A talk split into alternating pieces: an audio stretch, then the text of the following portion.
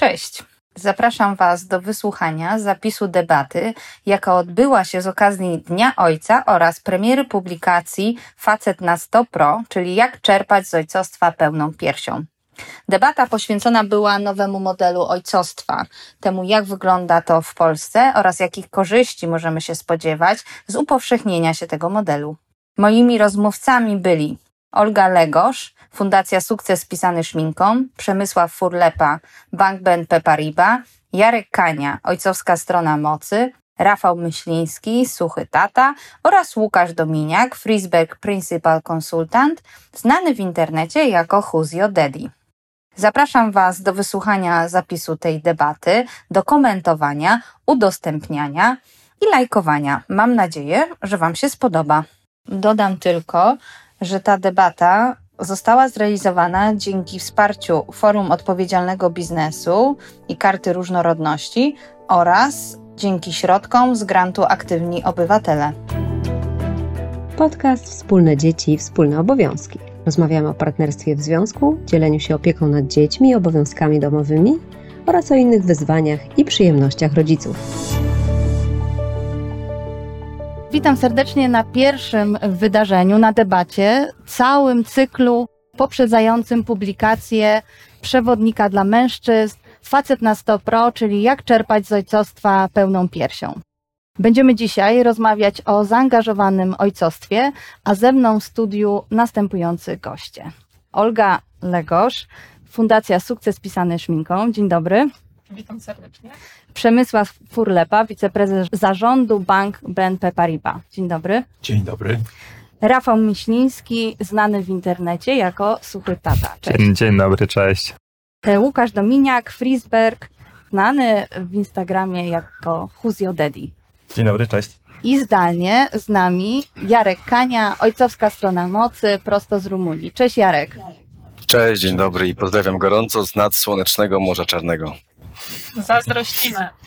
Dokładnie. Dzisiaj mamy e, rano niezbyt sprzyjającą pogodę, ale zaczynamy naszą debatę. Zacznijmy od tego, może czy zaangażowane ojcostwo jest raczej modą kreowaną przez naszych partnerów, a może przez Fundację Sherteker, czy realną potrzebą mężczyzn. Ja może zacznę od prawej strony, od Przemka.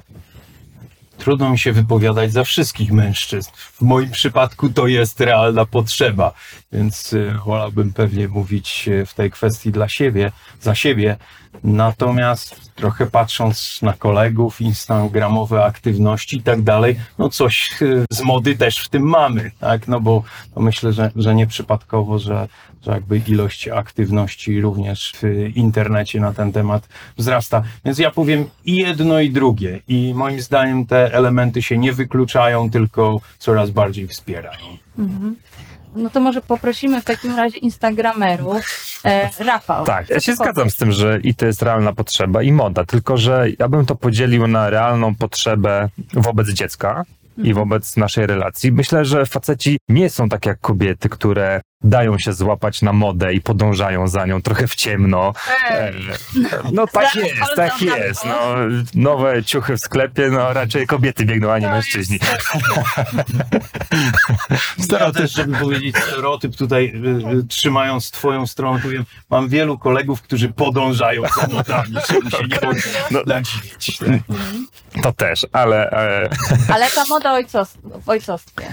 Moda w ojcostwie bardziej, ja bym jeśli chodzi o Instagramy, bardziej może wskazał na to, że mężczyźni może zaczynają to wykorzystywać delikatnie, ale nie według właśnie swojego dziecka, ale według nadarzających się okazjach, chociażby biznesowych.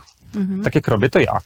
Mhm. Czyli jakby podchodzę do tego i z realnej potrzeby, ponieważ to była moja główna decyzja, żeby zostać w domu i być z moim synem, bo tak czułem, że to jest dobra decyzja, a z drugiej strony wykorzystałem to, bo wiedziałem, że to jest modne. Mhm. Łukasz, jak było u ciebie? U mnie ciężko mówić o modzie, ponieważ ja e, z kolei prowadzę swojego Instagrama w taki sposób, że raczej staram się pokazywać, jak jest naprawdę, bo gdzieś tam mi brakowało takich miejsc, gdzie pokazuje się, jak wygląda rodzicielstwo. W taki sposób e, rzeczywiście prawdziwy i dużo osób mi pisze, że rzeczywiście pokazuje tak, jak e, to wygląda i pewnie na tym gdzieś tam coś u siebie ugrałem, bo to jest też ciężka praca, moim zdaniem, e, wychowywanie dzieci. I chciałem pokazać... Myślałem, że Instagram. I to, i to. To nikt nie uwierzy. Dokładnie. I chciałem pokazać, że no, generalnie nie wygląda to zawsze tak ślicznie jak na Instagramie właśnie, w tych super e, czystych ciuszkach i tak dalej. Więc e, z tego względu zdecydowałem się może kreować taką modę pod prąd, jeżeli chodzi o Instagrama i pokazywać e, nie, nie do końca czyste treści, może tak. Mhm. Czyli u ciebie to wyglądało tak, że pojawiła się ta potrzeba, byłeś zaangażowanym ojcem, ale równolegle z tym zaangażowanym ojcostwem pojawiła się jakaś frustracja i postanowiłeś stworzyć ten profil i pokazać, jak jest. Tak, taki miałem pomysł. Chciałem też pokazać, że niekoniecznie muszę już e, siedzieć gdzieś tam na kanapie w kapciach i być nudnym rodzicem, tylko że cały czas jakby no, życie się nie kończy, tylko dopiero zaczyna i że jest wiele rzeczy, które nas motywują, drive'ują, wprowadzają w emocje, których wcześniej nie było. Niestety E, po i twoim jest- koncie nie widać tego. Jak to nie? W sensie po, pokazujesz, pokazujesz życie takie, jakie, jakie jest i jakie nie chcemy, żeby było. Może tak, ale pokazuje, Miałbym to określić. pokazuje to, jak ja to czuję i jak myślę o też o rodzicielstwie czy ojcostwie. Też chciałem pokazywać tą stronę, gdzie nie tylko jakby mama jest bardzo zaangażowana, tylko ja mm, patrzę na to w taki sposób, że rodzicielstwo to, to wspólna działka. E, I nie chciałem być żadnym skrzydłowym, pomocnikiem, doradcą, tylko chciałem jakby w pełni grać w tym meczu. Może tak. Mhm. Oddajmy głos jeszcze Jarkowi. E, Jarek, jak u ciebie było? E, Bo ty byłeś na urlopie dwa razy. E, Tak. Czy to była moda wtedy, czy jednak to wypływało z twoich wewnętrznych potrzeb? Nie, to wypływało z naszych, z naszych wspólnych potrzeb, nie tylko z moich, e, ponieważ to była decyzja ustalona wspólnie z moją żoną. Ponieważ tutaj no, y, do tego wszystkiego trzeba dwojga i trzeba się dogadać, porozumieć i ustalić priorytety. Czy jest moda teraz na ojcostwo zaangażowane? Nie wiem. Nie jestem tutaj autorytetem w tej dziedzinie i nie, nawet nie aspiruję. Natomiast jeżeli jest, to świetnie. Czyli to znaczy, że y, moi koledzy tutaj obecni w studiu, także kilku innych blogujących ojców, którzy w internecie działa, a także moja skromna osoba, robimy być może dobrą robotę, bo zachęcamy do tego, żeby jednak zająć się swoim dzieckiem, zająć się swoją rodziną i spriorytetyzować pewne sprawy. Jeśli jeszcze tylko mogę dodać, dlaczego ja, bo to jest bardzo ważne, żeby każdy sobie odpowiedział na to, przynajmniej tak w mojej ocenie jest to ważne, żeby każdy sobie odpowiedział na to pytanie, dlaczego ja chcę być zaangażowanym ojcem, ale także matką, rodzicem, dlaczego chcę być zaangażowanym rodzicem.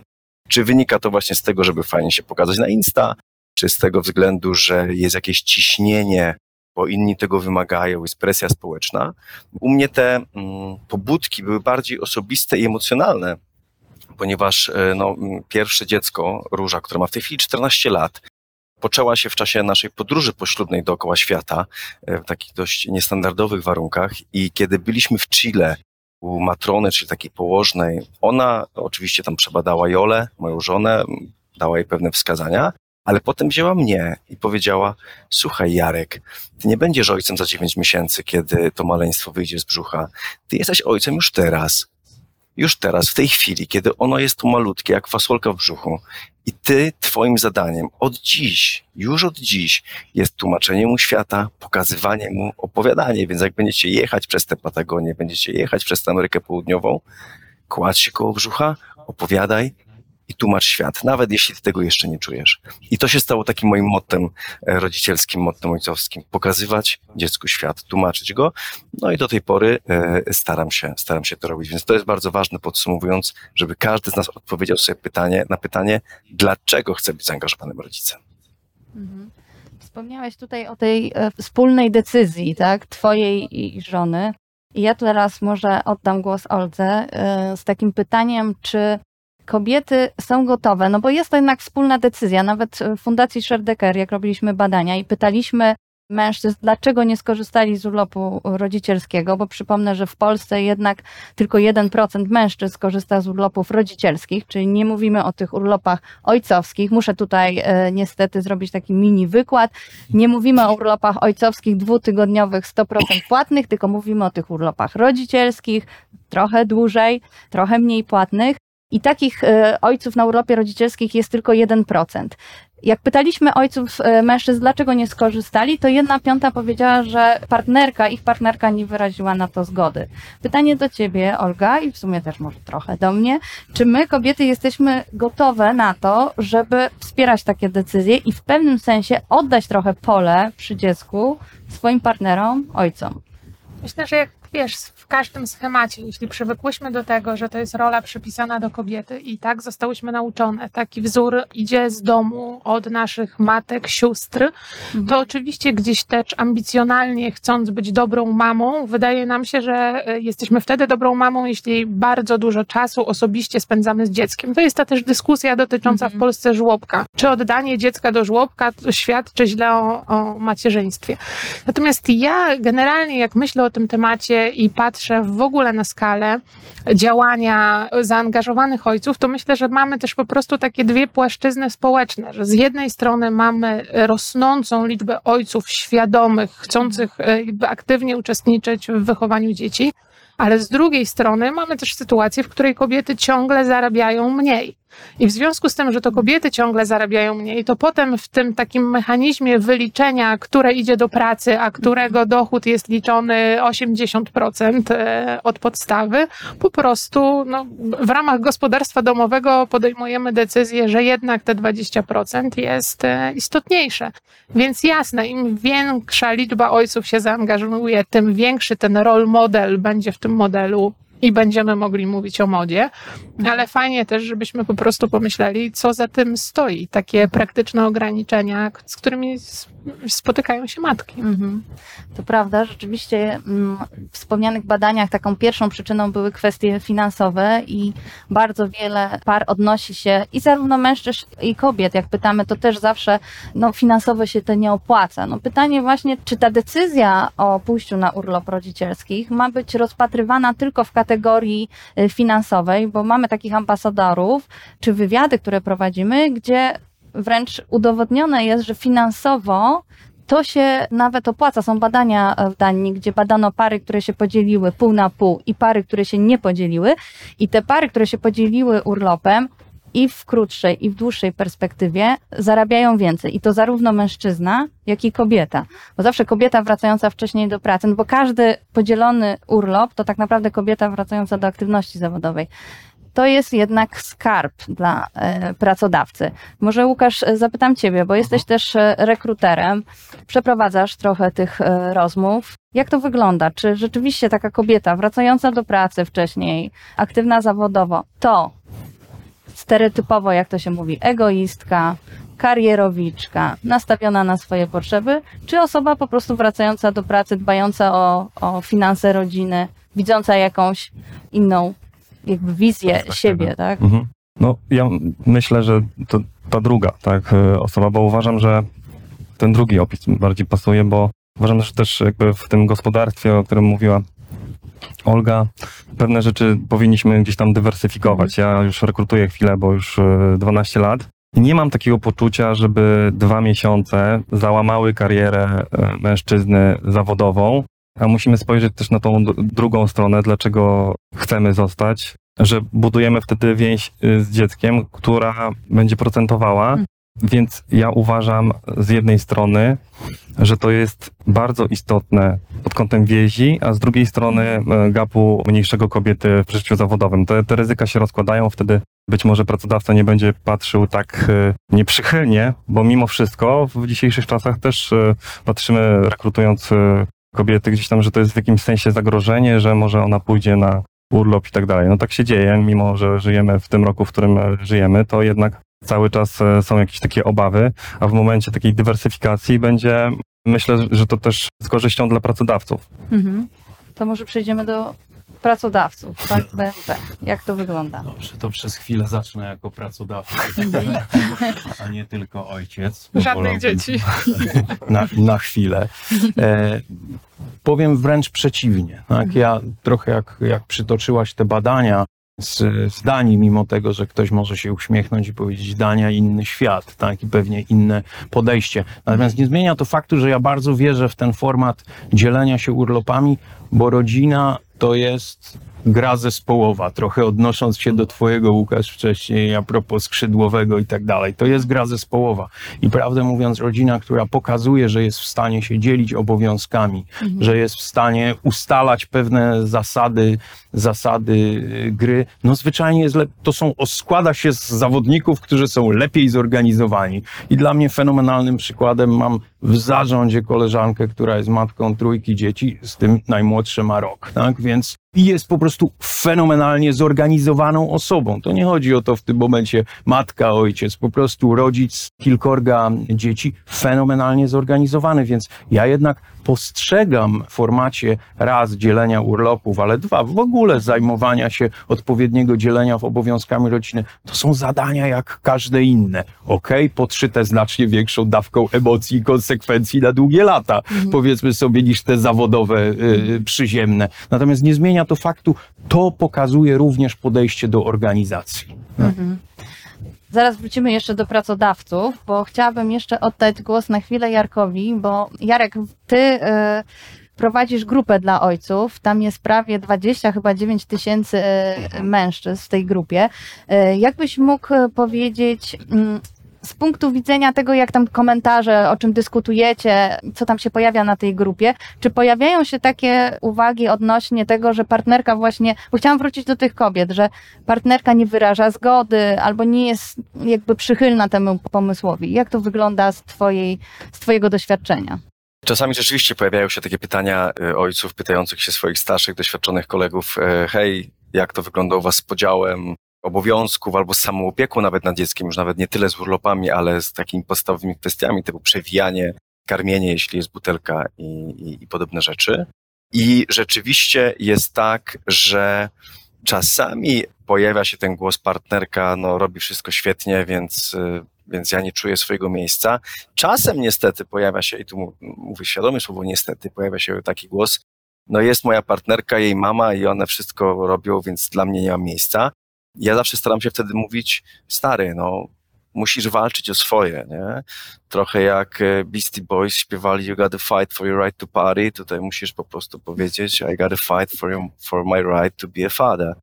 I e, to jest, no, to jest bardzo ważne, żebyśmy potrafili tupnąć nóżką e, i powiedzieć, hej, no to jest nasze wspólne dziecko, ja też chcę, ja też potrafię, ja też mogę. A w kwestii dzielenia się już takiego bardziej świadomego i dłuższego, czyli na przykład tych urlopów, czy opieki nad dzieckiem, kiedy to żona może wrócić do pracy, to zdecydowanie zawsze głównym argumentem są, jest to, co tu już padło wcześniej, czyli kwestia finansów. Ja zarabiam więcej, rachunek jest prosty, moja żona zostaje, no bo ja muszę utrzymywać rodzinę.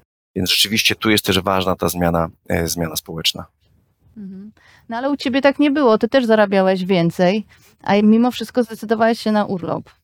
Zdecydowaliśmy. Ja czas. dokładnie. To była nasza wspólna decyzja i e, no, większość decyzji staramy się podejmować wspólnie. Jak widzicie, teraz moja sytuacja życiowa jest zupełnie inna nasza, bo ja jestem w tej chwili na kontrakcie, wyjeżdżam, jestem e, troszkę takim ojcem na odległość w tej chwili, e, ponieważ trzy tygodnie w miesiącu spędzam za granicą.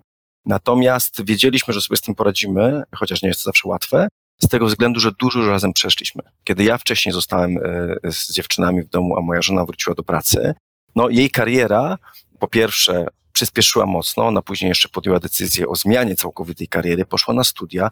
Kiedy urodziła się trzecia córka, moja żona studiowała zaocznie jeszcze wtedy, więc trzy i pół roku były dość intensywnym okresem w naszym życiu. Natomiast ona w tej chwili zmieniła pracę, zmieniła branżę, zarabia trzy razy więcej niż w poprzedniej firmie, więc jest to też świetny. Ja też podaję to jako przykład. Słuchajcie, angażujmy się na tyle, żeby nasze partnerki, nasze żony mogły rozwinąć skrzydła, żeby mogły też zacząć żyć e, w swojej pracy, a nie tylko chodzić od pierwszego do pierwszego, narzekając, że jest źle. Natomiast ta wspólna nasza decyzja i to moje przystopowanie się finansowe, e, bo tak to trzeba nazwać, ja będąc pracownikiem kontraktowym, kiedy nie pracuję, nie zarabiam. Jest to jest system B2B, czyli siedzę w domu i, e, i nic nie robię, nazywając to w taki sposób, że na tym polega siedzenie w domu.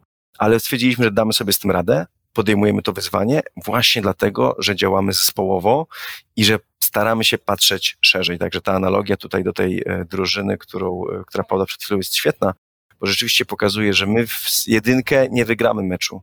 Możemy strzelić gola, Zgadzam. czasem fartem, ale musimy cisnąć razem. Ja się zgadzam, że potrzebne są te dwie osoby, tylko Po prostu za każdym razem, jak e, rozmawiam o tym temacie jakby partnerskiego rodzicielstwa, to mm, stykam się z tym, że żyjemy trochę w Polsce no, w dwóch światach. Jest świat, w którym ludzie po prostu mogą sobie zwyczajnie na to pozwolić, czyli liczą ile mają na koncie i decydują, że nawet za mniejsze zarobki żony są w stanie spłacić ratę kredytową i po prostu przeżyć, jeśli ten mężczyzna podejmie tą decyzję, że no, w jakimś e, po prostu części się wyłącza ze swojego życia zawodowego. No ale mamy wiele osób, które mają po prostu skalkulowany ten budżet, wiecie, co do stówy w każdym miesiącu i Mhm. Dla mnie w ogóle e, rodzicielstwo czy tacierzyństwo to nie jest coś, co się kończy w pierwszym roku e, życia dziecka, no tylko to trwa e, kolejne naście lat i jako sukces pisany szminką, gdy pracujemy z organizacjami ja właśnie często to słyszę, jak my dużo robimy dla włączania kobiet do pracy, to lubię zapytać, ok, to pokażcie mi teraz na dużych liczbach, ilu mężczyzn chodzi na L4 w związku z chorobami dziecka. No i jak mężczyźni nie chodzą na zwolnienia lekarskie, te opiekuńcze, no to co? W danej korporacji e, dzieci nie chorują? No, Mhm. Ale to, to, to, to jest bardzo, bardzo w- zasadne pytanie. Ja powiem tak, oczywiście, kiedy mówicie generalnie o tym tak zwanym gender pay gapie, tak, z, z angielskiego, czyli tych różnicach płac, one istnieją. To trzeba powiedzieć wprost tak, one powszechnie jeszcze istnieją. Ja powiem, akurat znowu mogę się odnieść tylko do, do swojej firmy. Mamy odrębne w tej chwili rok w rok duże budżety, które są dedykowane tylko dla kobiet. Tak? I tu wyraźnie, ja wiem, ja nie lubię, prawdę mówiąc, takich twardych rozwiązań, które mówią a taki parytet, a inny parytet. Natomiast są takie momenty, że trzeba zacząć od tych parytetów i trzeba zacząć od przerysowania pewnych rozwiązań, żeby dojść do normalności. Jesteśmy ciągle na drodze do normalności w tej kwestii wyrównania, w, w tej kwestii płac. Natomiast trochę ad vocem powiedziałbym sytuację z pandemii. Tam już nie było takiego wprost powiedzenia, kto weźmie L4, kto się zwolni i tak dalej, i tak dalej. No ale jak spojrzeliśmy na wskaźniki, no to było to trzy razy więcej kobiet ubyło w momencie, kiedy trzeba było, nie wiem, dzieciaki zabrać ze szkół czy, czy przedszkoli, niż mężczyzn. I wierzę, że jednak w wielu miejscach to był wybór. To nie była tylko kwestia płac, więc myślę, że i ta część płacowa jest, i tu pracodawcy mają bezwzględnie najwięcej do, do odrobienia. No i wierzę, że jest naprawdę dużo firm, nie mówię tylko o swojej, ale jest dużo firm, które zaczęły świadomie nad tym pracować. Natomiast z drugiej strony są pewne jednak schematy w wielu miejscach i stereotypy, że jednak kiedy jest naturalny wybór, to właściwie w domu nie ma rozmowy, bo oczywiście jak mamy problem, to kobieta zostanie. Tak, tak. I tu jest nam potrzebna ta moda. Dokładnie, Tak, jest nam o. potrzebna ta moda. Często zasłaniamy się trochę finansami i to są bardzo ważne argumenty i luka płacowa i kwestia finansów i to, co powiedziałeś, że naprawdę są rodziny, w których no, każde 100 zł ma znaczenie, ale też gdzieś za tym te decyzje, które idą, są podyktowane pewnymi stereotypami i pewnymi mm, przyzwyczajeniem, tak, że okej, ja zarabiam mniej, no to ja pójdę na zwolnienie. No ale jeśli ty pójdziesz na zwolnienie, to myślę, że będzie ci bardzo trudno gonić tego swojego partnera, no bo mamy karę za macierzyństwo i to wyraźnie widać, że po urodzeniu się dziecka. z czegoś wynika. Dokładnie, no głównym powodem luki płacowej jest jednak kwestia e, rodzicielstwa i obciążenia kobiet, e, bo jak się pojawia dziecko, to twoja pensja nie rośnie już tak szybko, a wynagrodzenie mężczyzny nawet przyspiesza, no bo jest, mówimy o tym bonusie dla ojca, no bo on przecież musi więcej zarabiać. Ale wróćmy jeszcze do pracodawców. Chciałabym trochę jeszcze podrążyć temat e, środowiska pracy, dlatego że znowu w naszych badaniach pierwsze to finanse, tam gdzieś czwarte to była kwestia zgody partnerki, ale jeszcze są dwa ważne czynniki. Obawa mężczyzn przed zwolnieniem, obawa przed e, pominięciem, przerzuceniem na boczny tor. Pytanie jest takie, czy pracodawcy no, są gotowi na to, żeby no, zaopiekować się tematem nieobecności mężczyzn w pracy, dlatego że jeśli chcemy, żeby chodzili na urlopy rodzicielskie, a za tym pójdzie potem, bo jak idziesz na urlop rodzicielski, to myślę, że potwierdzą ojcowie, w gratisie dostajesz obowiązki domowe i wszystkie inne e, przyjemności, tak, perksy. Ale e, czy my jesteśmy gotowi, czy pracodawcy są gotowi na to, żeby ta nieobecność ojców była traktowana tak samo jak nieobecność e, kobiety, tak? Do ciebie, Przemku. Może, może Najpierw może zaczniesz ty, a ja potem Tak. pójdziemy. Znowu tak samo jak wcześniejsze pytanie, czy mężczyźni są tacy, czy inni, tak samo trudne jest dla mnie pytanie, czy pracodawcy. Ja mogę mówić o pracodawcy, którego mhm. reprezentuję i oczywiście o koleżankach i kolegach, z którymi rozmawiam z innych firm. I muszę powiedzieć, po pierwsze, wielu z nich jest naprawdę gotowych. Po mhm. drugie, wielu z nich coraz mocniej to promuje. No, bo to nie jest tylko gotowości, bo co innego deklaratywnie powiedzieć, jesteśmy gotowi, ale czy za tym idą konkretne mhm. E, działania? No, I znowu odnosząc się do przykładu w mojej firmie, ale wierzę, że naprawdę to może dotyczyć już w tej chwili dziesiątek i setek innych firm, coraz więcej inicjatyw zachęcających, promujących, mhm. tłumaczących, no chociażby w tej chwili trwający tydzień rodziny w, w moim banku, który między innymi tłumaczy elementy wspólnego rodzicielstwa, wartości z tego, które, które promujecie na co dzień, które się czerpie i, i formatu, że znowu jest to gra zespołowa, o czym powiedziałem wcześniej. Ja powiem, ja doceniam nawet bardziej tych, i cieszę się i chwalę indywidualnie tych, którzy z tych urlopów korzystają. Tak? Mhm. Bo dla mnie to jest taki sygnał odpowiedzialności. Jeżeli jesteś odpowiedzialny w życiu swoim, rodzinnym, osobistym. Ja mam duże zaufanie do tego, że jesteś znacznie bardziej również odpowiedzialny w życiu zawodowym. Mhm. Olga, pracujecie z wieloma organizacjami, nie tylko z bankiem BNP, jak z Twojego doświadczenia. Czy rzeczywiście, jak mówicie o, e, o urlopach dla ojców, o włączaniu, o spojrzeniu na pracownika mężczyznę jako również ojca, nie tylko jako pracownika, który jest zawsze obecny, zawsze dostępny, zawsze niezawodny, to jak to wygląda?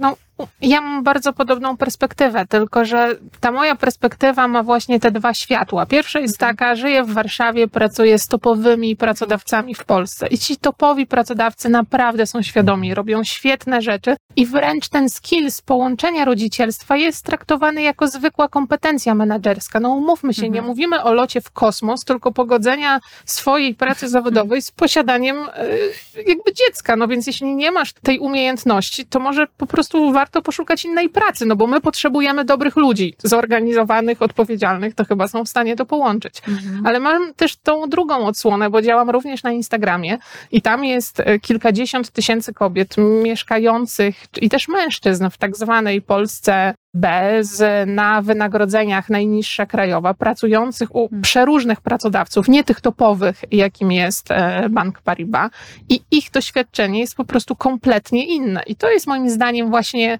ta zmiana, którą musimy wszyscy jakby dokonać, żeby bardzo mocno wyedukować ten rynek, wyedukować kobiety, mężczyzn, pracodawców, ale na pewno przydałyby się też rozwiązania e, systemowe, które hmm.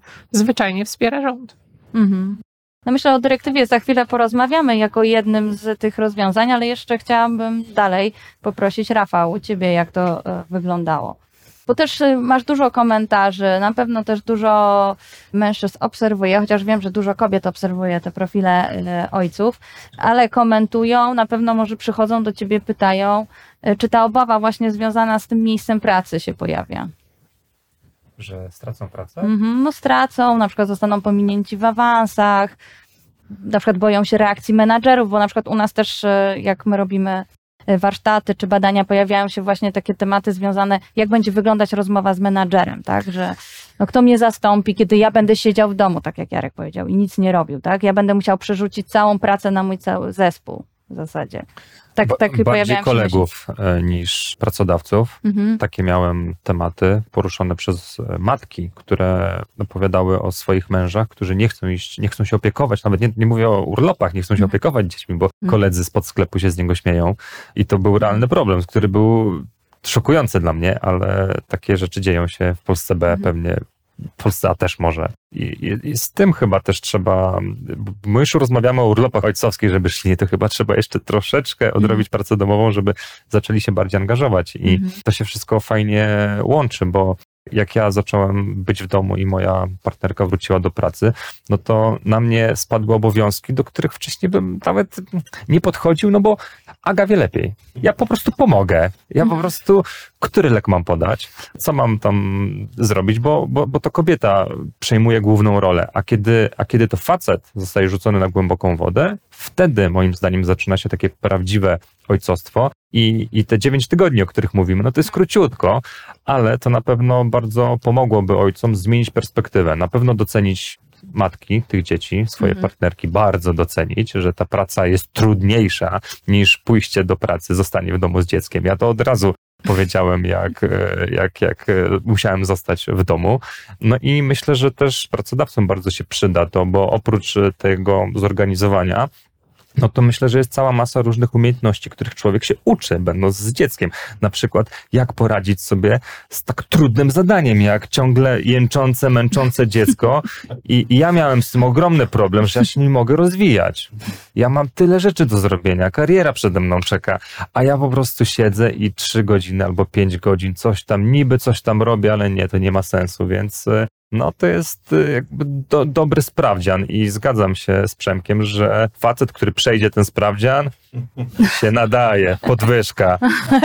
Ale wiesz co, no właśnie, może gdzieś w systemach powinno być to zapisane. W systemach motywacyjnych w ogóle bardzo często jest zaszyty ten element e, absencji, tak? Mhm. Czyli jeśli w jakimś okresie byłeś nieobecny, Mhm. to ta premia ci nie przysługuje. No ja jeszcze nie widziałam systemu premiowego, który zakładałby, że jeśli w danym roku ojcowi urodziło się dziecko, a on nie wykorzystał, nie wiem, w wymiarze 14 tygodni e, urlopu rodzicielskiego, to bonus za ten rok nie jest należny. Od razu zobaczylibyśmy Mhm. w, na, w raportach giełdowych, e, jak wielu mężczyzn w zarządzie właśnie zostało ojcem, jakby tak uzależnić e, wypłatę tego bonusika rocznego. Historia fajna, tylko nie chciałbym pogłębiać w ten sposób luki płacowej, czyli musielibyśmy to No jednak musielibyśmy zdecydowanie, tak. Tak. To jest ten sam właśnie problem związany z, z zasiłkiem macierzyńskim, o którym jeszcze będziemy chwilę rozmawiać. Łukasz, teraz u ciebie. Te umiejętności, Rafał wsp- wspomniał, tak? Ten mężczyzna powracający z urlopu rodzicielskiego, wyposażony w, no, w całą gamę umiejętności, które się przydadzą e, w swoim życiu zawodowym. Jak to... Tak myślę, I- że sk- skille komunikacyjne tutaj idą do góry, bo ciężko się czasami dogadać, jakoś trzeba. Natomiast ja uważam też, że wracając do, do, do tematu też, y, ja patrzę, jak gdzieś tam widzę kandydata na jego karierę długoterminowo i, i uważam, że patrząc w, przez pryzmat długoterminowości, ważne, żeby kobieta miała jak najkrótszy gap, bo my cały czas myślimy o momencie, kiedy wszystko jest ok, ale coś może się wywalić w życiu. Życie nie jest zawsze tak, e, tak łatwe. Kontekście nawet tego, że jeżeli stawiamy, nie wiem, na jednego konia wszystko, no to może się okazać, że jednak coś się wydarza, ktoś zachoruje i, i to nie jest dobry pomysł, myślę, e, tak z czysto e, punktu widzenia dywersyfikacji jakby zasobów rodzinnych, pakowanie wszystko e, w karierę jednej osoby, tylko fajnie, żeby się to jakoś uzupełniało i żeby w momencie, gdzie komuś się podwinie noga, a podwija się noga, albo będzie musiał, e, nie wiem, przez 6 miesięcy być bez pracy, będzie szukał, co, co, coś, coś się wydarzy, no to jest dużo większy komfort, tak? Bo z kolei facetowi mocno, przynajmniej mi, tak się działo, że gdzieś tam mocno wsiadło na, na głowę to, że ja muszę teraz dowieść, tak? Jak mam rodzinę, to nie jest już moment, gdzie wybieram sobie, gdzie mam lecieć na wakacje tylko, tylko muszę po prostu dowozić, skupiać się na pracy i to strasznie mnie presowało, ciśnieniowało i byłem zestresowany, tak? I w momencie, kiedy mamy drugie ogniwo, które jest też mocne a propos piłki nożnej i tak dalej, naszych na początku rozmów drużynowych, myślę, że mm, ten stres się gdzieś tam rozkłada na dwie strony, więc ja tutaj też widzę dużą zaletę tego, żeby, żeby dwóch zawodników było mocnych. A ten trening urlopu uważam, że też się przydaje w momencie, kiedy dzieci zaczynają chorować. No dzieci zaczynają chorować, jak idą do różnego rodzaju instytucji i kobieta też się wtedy stresuje, że no dobra, wróciłam do pracy, ale znowu Mm. muszę iść na zwolnienie, a jak ten ojciec nie był przy tym dziecku, no to też podchodzi trochę jak do jeża, a tak to się czuje pewny i to dziecko też chce z nim zostać i to jest dużo, dużo większy komfort wtedy niż, niż takie no, nieprzygotowanie, tak? Czy, czy, czy szukanie babci, czy innych osób, które mogą wesprzeć. No fajnie jednak to brać na klatę. Mhm. Dzięki. Chciałam przerzucić do Jarka Kani, ale Jarek jeszcze chwilę, e, zaraz do ciebie wrócimy, bo chciałabym pójść dalej do tych rozwiązań systemowych, bo myślę, że to jest też bardzo ważne. E, Wchodzi za chwilę dyrektywa Work-Life Balance. Mamy nadzieję, że zostanie wdrożona o czasie, czyli do 2 sierpnia. Rząd pracuje, już e, pojawił się drugi projekt ustawy. Jest tam trochę mm, kwestii e, do zaadresowania, ale wiemy na pewno jedno, że pojawi się 9 tygodni dodatkowego urlopu rodzicielskiego tylko dla ojców, jako dodatkowy wymiar do tego, co do obecnego wymiaru urlopu. No i pytanie do Was takie, czy jest to, może Jarek od Ciebie właśnie zaczniemy, czy to jest wielka zmiana, czy będzie to jednak odbierane w, w, charakterze przymusu, tak, że coś zostaje narzucone, bo my się też troszeczkę z taką narracją spotykamy, że znowu coś ktoś nam narzuca, tak, że nagle coś wymuszamy, ale jednak widzimy e, z doświadczeń innych krajów, które jednak mają te urlopy e, rodzicielskie dla ojców wdrożone, że no są takie ważne trzy czynniki. Nietransferowalność, czyli nie możesz przerzucić tego urlopu na mamę, musisz skorzystać albo ci to przepadnie. Wysokie wynagrodzenie za to, że, czyli zasiłek macierzyński u nas, niestety tak to się nazywa, e, za ten czas. No i kwestia jeszcze najlepiej, żeby to było takie sprytne, czyli że jednak ojciec zostaje sam z dzieckiem, tak? Nie ma czegoś takiego, że zostajesz wspólnie mhm. e, ze swoją partnerką, bo najczęściej jednak to się kończy takim tendencją do przerzucania tej odpowiedzialności na kobietę, no bo ona tutaj wspomnieliście, lepsza jest, e, wie o co chodzi. Jak Jarek u ciebie to wygląda? Czy myślisz, że wdrożenie dyrektywy tych dziewięciu tygodni będzie takim no, dużym krokiem w kierunku tej równości rodzicielskiej, że możemy się spodziewać zmiany tego wyniku z 1% na jakiś większy, nie wiem na ile byś, e, zapytam się was na końcu, jak, jak prognozujecie, bo rzeczywiście rozbieżności są bardzo duże w tych prognozach. No, myślę, że prognoza to się będzie układała tak, że to będzie sobie stopniowo rosło. I myślę, że wszystkie zmiany, albo wiele zmian, które wprowadzamy w życiu, albo są nam wprowadzane, są trudne, zwłaszcza na początku, jeżeli mentalnie są gdzieś nas zakorzenione inne schematy, Natomiast mam nadzieję, że za 10 lat w ogóle nikt się nie będzie zastanawiał, hej, czy to w ogóle ma sens, czy to ktoś mnie zmusza, czy ten, czy tylko, że to jest normalne, że to jest dobre. Natomiast rzeczywiście ja rok temu pamiętam na grupie i też u siebie na fanpage'u pisałem o tym, że jest taka propozycja, że zmiana, że urlop tylko dla ojca. I co ciekawe, dużo było takich głosów negatywnych, także ze strony kobiet, mówiących, nie chcemy, żeby ktoś nas przymuszał, chcemy, żeby to było dzielone tak, jak my chcemy. No a kiedy ciągnąłem temat, no a jakbyście to podzielili, no to dochodziliśmy do takiego wniosku, że no, tak jak było, niech będzie tak, jak jest. Czyli, że no, jesteśmy oporni nieco na zmiany i to chyba y, jest, jest naszą naturalną jakąś cechą. Więc mówię, tak mam nadzieję, że, że za 10, za 10 lat albo jeszcze szybciej, za 5, za 3, y, nikt nie będzie się w ogóle na to oglądał. A o ile to jest ważne i wydaje mi się, że tu w promowaniu tego bardzo warto podkreślić zalety tego. I to jest właśnie to, co, o czym powiedzieli moi tutaj koledzy e, przed chwilą, e, że 9 miesięcy to nie, e, przepraszam, 9 tygodni to jest bardzo krótko. Nie?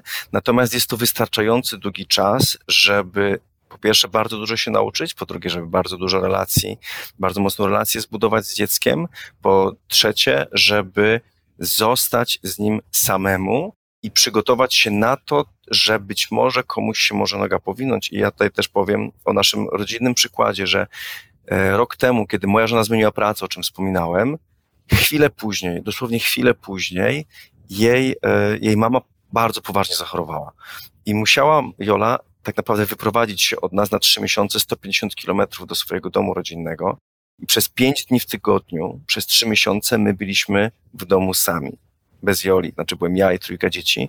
I z nami znów wszystko spadło. Co prawda, wiecie, dzieci starsze, 12 lat i 10, to już same do szkoły chodzą, to już nie jest problem młodszą trzeba było do przedszkola, ale znów, kiedy pojawiała się jakaś choroba, kiedy pojawiało się jakieś przeziębienie, zebranie, no to znów wszystko spada na mnie i muszę sobie jakoś z tym radzić. I oczywiście moja żona, będąc tam ze swoimi rodzicami, kiedy jeszcze miała pracę zdalną, zaczynała w ogromnym stresie nową pracę, była spokojniejsza, bo wiedziała, że te moje wcześniejsze doświadczenia sprawił, że ja nie będę dzwonił co chwila i pytać, gdzie jest y, jakiś syrop, albo jakie lekarstwo podać, albo jak się nazywa nasz lekarz rodzinny.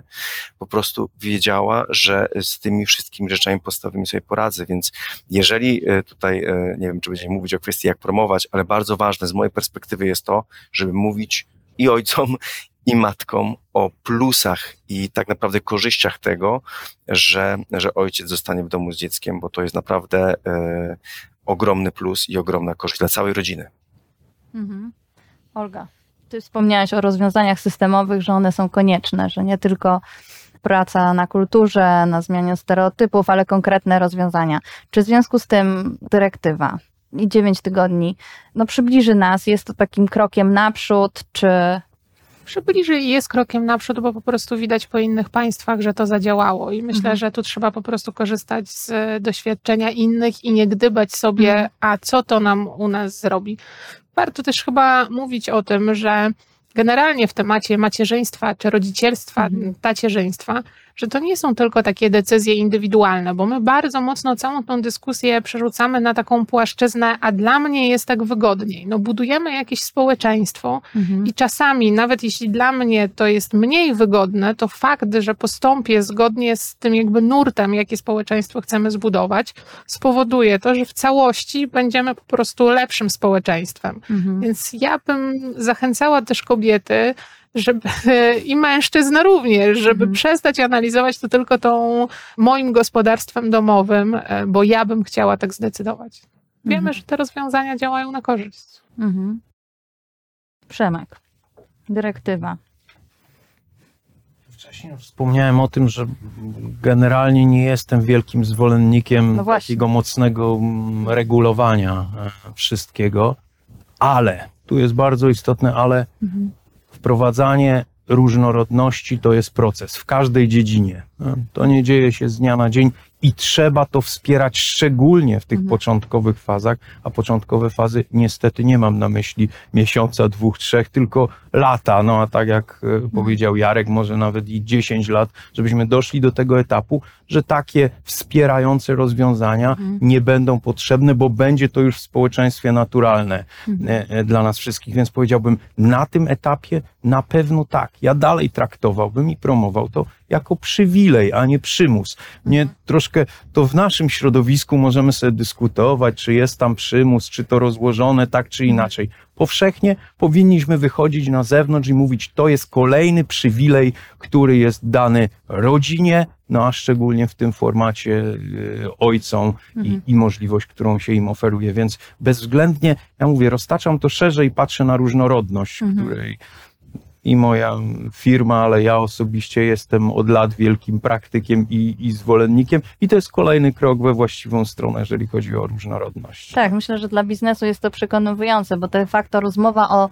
urlopach rodzicielskich dla ojców też otwiera temat aktywności zawodowej kobiet, no bo to jest jednak wspólna decyzja i, i tutaj rozmawiamy o, o tej roli, co to znaczy być dobrym pracownikiem w przypadku kobiety i co to znaczy być dobrym pracownikiem w przypadku mężczyzny, bo jednak patrzymy trochę inaczej i ta refleksja nad tym, jak patrzymy na mężczyzn, to od razu automatycznie też przechodzimy do kobiet i ta dyskusja myślę, że nam jest bardzo potrzebna.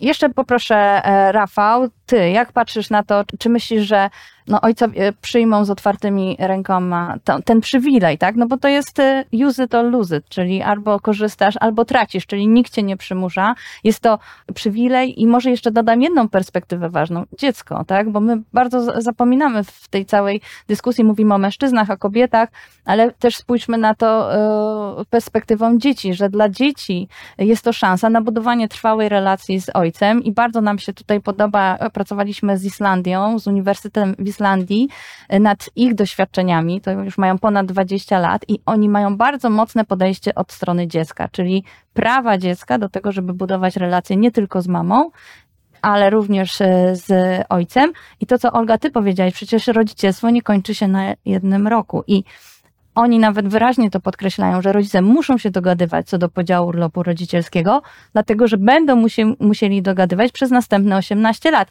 niezależnie jak potoczą się losy pary. To też jest właśnie w sumie bardzo istotny szczegół. Rafał, jak u ciebie? Mm, Jak widzisz to rozwiązanie 9 tygodni e, dla ojców? Dodatkowe, tak. Nikt nie będzie nikomu zabierał nic. Z perspektywy ojców, no to fantastyczna wiadomość.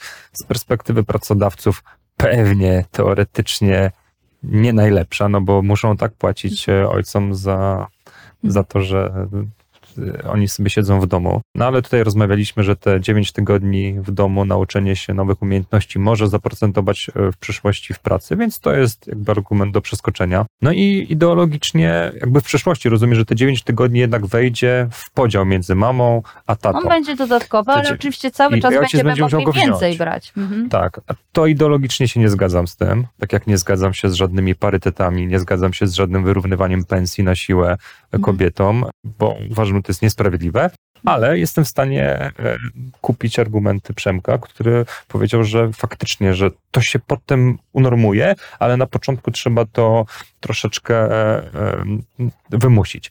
To jestem w stanie kupić, ale jak, ktoś miałby powiedzieć mi, czy to jest sprawiedliwe, uważam, że nie. Mhm. Co, to trochę jak z Olga jest przygotowana do tej dyskusji. Ja po prostu uważam, że jeśli zapytamy się, wszyscy zastanawiamy się, po co płacimy podatki i gdyby każdy mógł tylko zapłacić ten, kto chce zapłacić podatek, to pewnie większość z nas by po prostu go nie zapłaciło albo zapłaciło w co drugim miesiącu. Są po prostu potrzebne pewne rozwiązania systemowe, żeby właśnie stworzyć wiesz, to społeczeństwo. I tak jak mówimy o wyrównywaniu zarobków, no wynika one stąd, że jeśli mówimy o kodeksie pracy, to kobieta, która jest na urlopie macierzyńskim czy wychowawczym, no nie powinna tracić wysokości wynagrodzenia, kiedy wraca do pracy, bo my za taką samą pracę płacimy w taki sam sposób. Takie mamy prawo. I to, że latami nie respektowaliśmy tego prawa i zakładaliśmy, że kobieta nieobecna po powrocie może zarabiać mniej niż mężczyzna na tym samym stanowisku, który był obecny, jest po prostu no, luką również e, prawną. I pewne rozwiązania są potrzebne, żeby to wymusić. A potem, jak to działa, to już jest, wiesz, raz kobieta pójdzie na 9 tygodni, a mężczyzna na, e, na 9 miesięcy, raz, zaraz odwrotnie. Mhm. Chciałabym właśnie a propos e, wynagrodzeń, bo to też w, myśleniu kobiet bardzo często pojawia się takie myślenie, że ja powinnam zarabiać mniej albo żądać mniej, no bo przecież jestem rodzicem, jestem. Nie mamy takiego, często kobiety nie mają tego poczucia, że one rzeczywiście są atrakcyjnym pracownikiem, tak? Że fakt, że jesteś matką, dodaje ci tylko plusów, a nie ujmuje tobie. Czy u ciebie, Łukasz, jesteś rekruterem, na pewno rozmawiasz e, o wynagrodzeniach dość często. Czy kobiety przychodzą właśnie z takimi samymi żądaniami płacowymi jak mężczyźni, czy, czy nie? Skoro już poruszyliśmy temat pod y, luki i wynagrodzeń, ale to jest ostatnie pytanie na ten temat.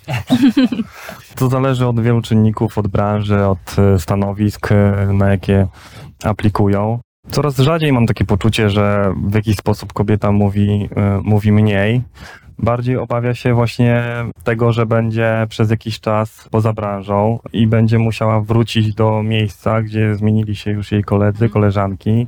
Może ktoś dostał awans, a wcześniej były to równoległe stanowiska, więc często też kobieta decyduje się na to, że jeżeli nie ma wsparcia pracodawcy, na to, że może poszuka nowego miejsca, bo w sumie to jest taki sam stres wracać do, swojego, do swojej starej pracy, bo już jest wiele nowych osób, wiele czynników się zmieniło. Mhm. Więc tutaj też widzę jakby moment, w którym pracodawca mógłby trzymać rękę na pulsie i być może się skontaktować z tą kobietą trochę wcześniej, a nie w momencie, jak już, o, już jesteś, wróciłaś. Troszkę wcześniej już dawać znać o tym. Natomiast co do, co do płac, jest wiele już y, różnych y, form, kibicuję, i, ale nie mam poczucia, że kobieta mówi mniej na, na rozmowie rekrutacyjnej. Mhm. A, a nawet jeżeli y, coś takiego występuje, to, to, to staram się gdzieś tam naprowadzać.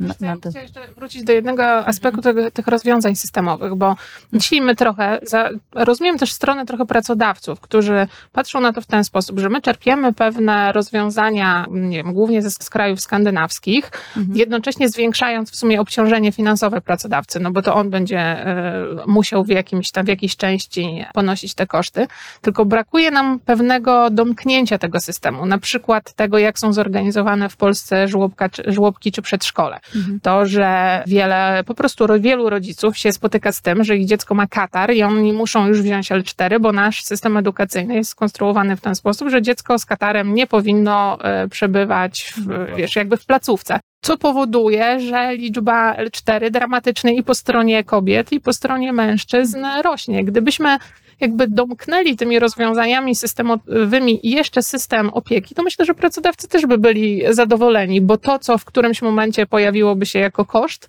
Mhm. e, w drugim momencie po prostu pojawiłaby się jako oszczędność. Mhm.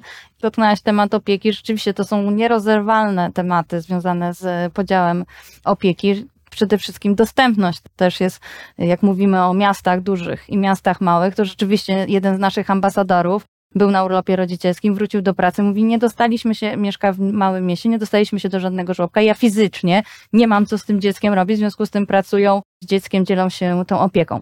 Wiem, że Przemek musisz nas opuścić niedługo, dlatego zanim nas opuścisz, poproszę Ciebie o takie pierwsze podsumowanie Czyli jakbyś mógł podsumować tą debatę, z czym wychodzisz, no i tą, y, pobawimy się trochę tutaj w przewidywanie przyszłości, jak myślisz w 2022 czy w 2023 może, bo dyrektywa wejdzie w połowie roku, więc mówmy o 2023, jak, jak myślisz, ile procent ojców będzie na urlopie rodzicielskim? Ja sobie zapiszę i wrócę. W 2023? tak, no bo będziemy mieli pół roku po wdrożeniu dyrektywy i cały rok, więc... E, znaczy powiem patrząc 1%. procesowo na ten jednak emocjonalny, finansowy, ludzki temat, że to nie będzie więcej na pewno niż 1%.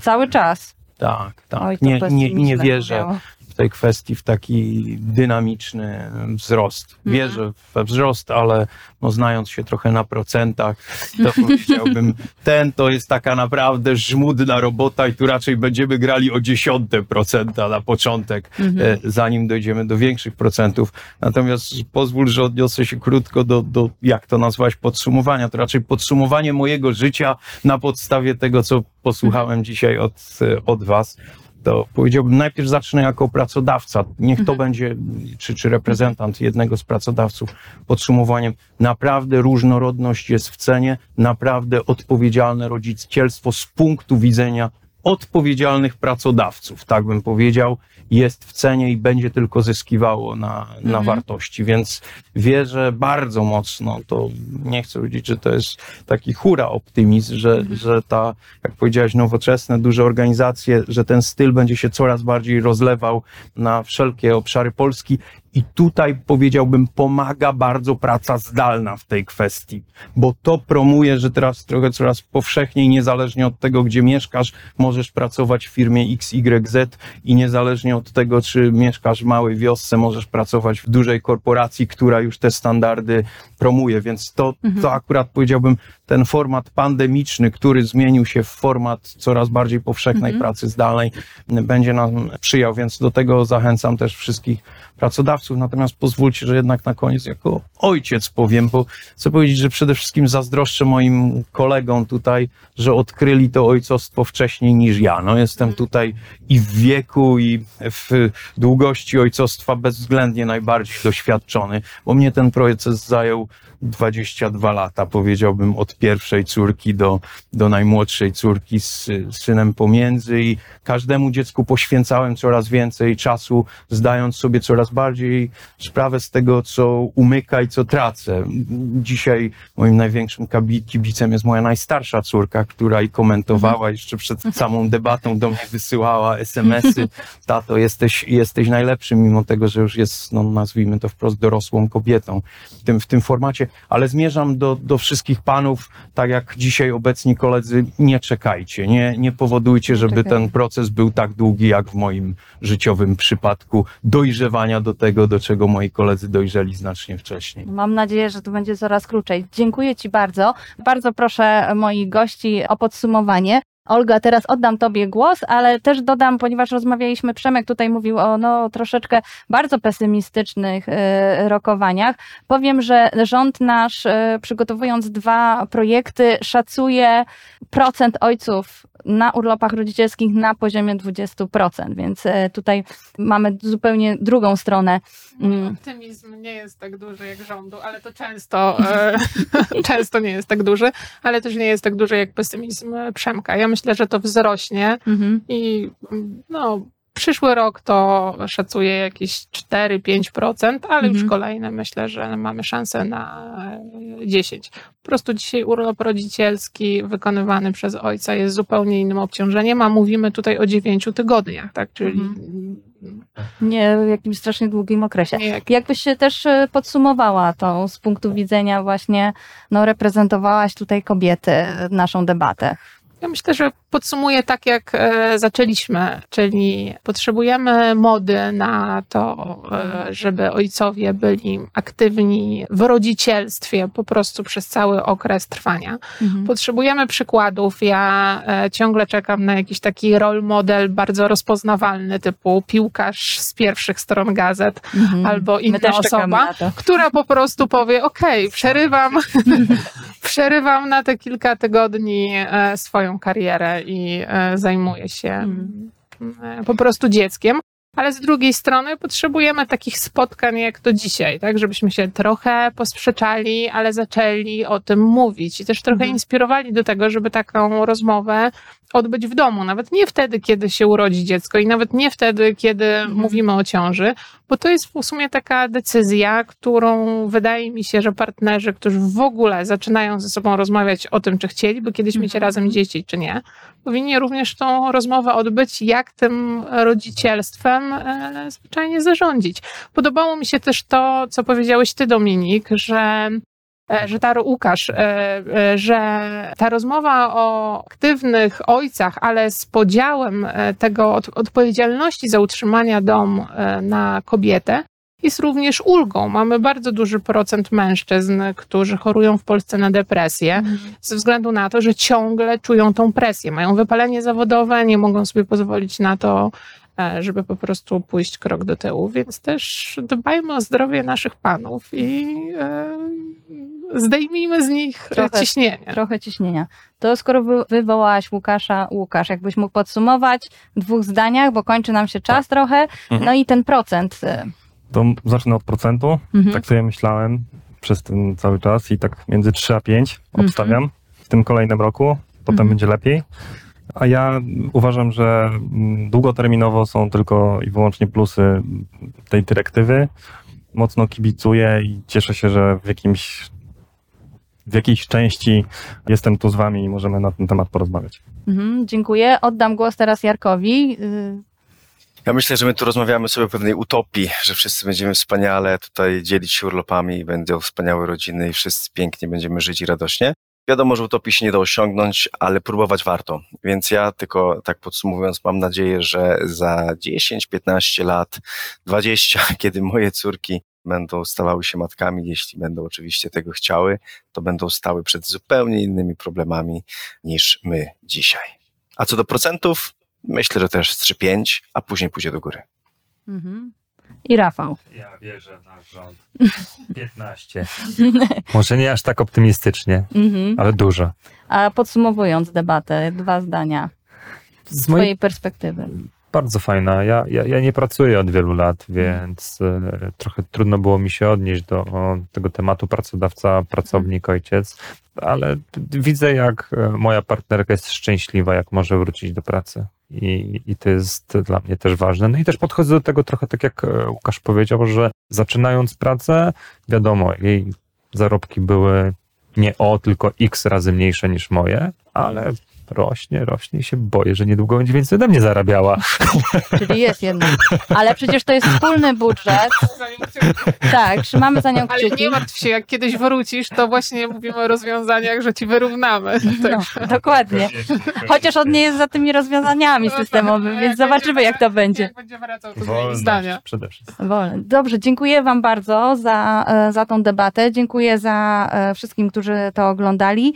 Czyli jednak e, idziemy w kierunku dyrektywy. Może ja tak na koniec my powiemy, no my chcielibyśmy być optymistami, ale myślę, że od 5 do 10 raczej w naszych e, na, jak szacowaliśmy koszty wdrożenia dyrektywy, to jednak poruszaliśmy się w tych e, zakresach. Mm, Dziękuję. Moimi gośćmi była Olga Legosz, z- Fundacja Sukces Pisany Szminką, Rafał Myśliński, Suchy Tata, Łukasz Dominiak, e, Frisberg i Huzio Dedi, Jarek Kania, Ojcowska Strona Mocy i Przemysław Furlepa, Bank BNP Paribas, który już poszedł od nas. Dziękuję bardzo i do zobaczenia.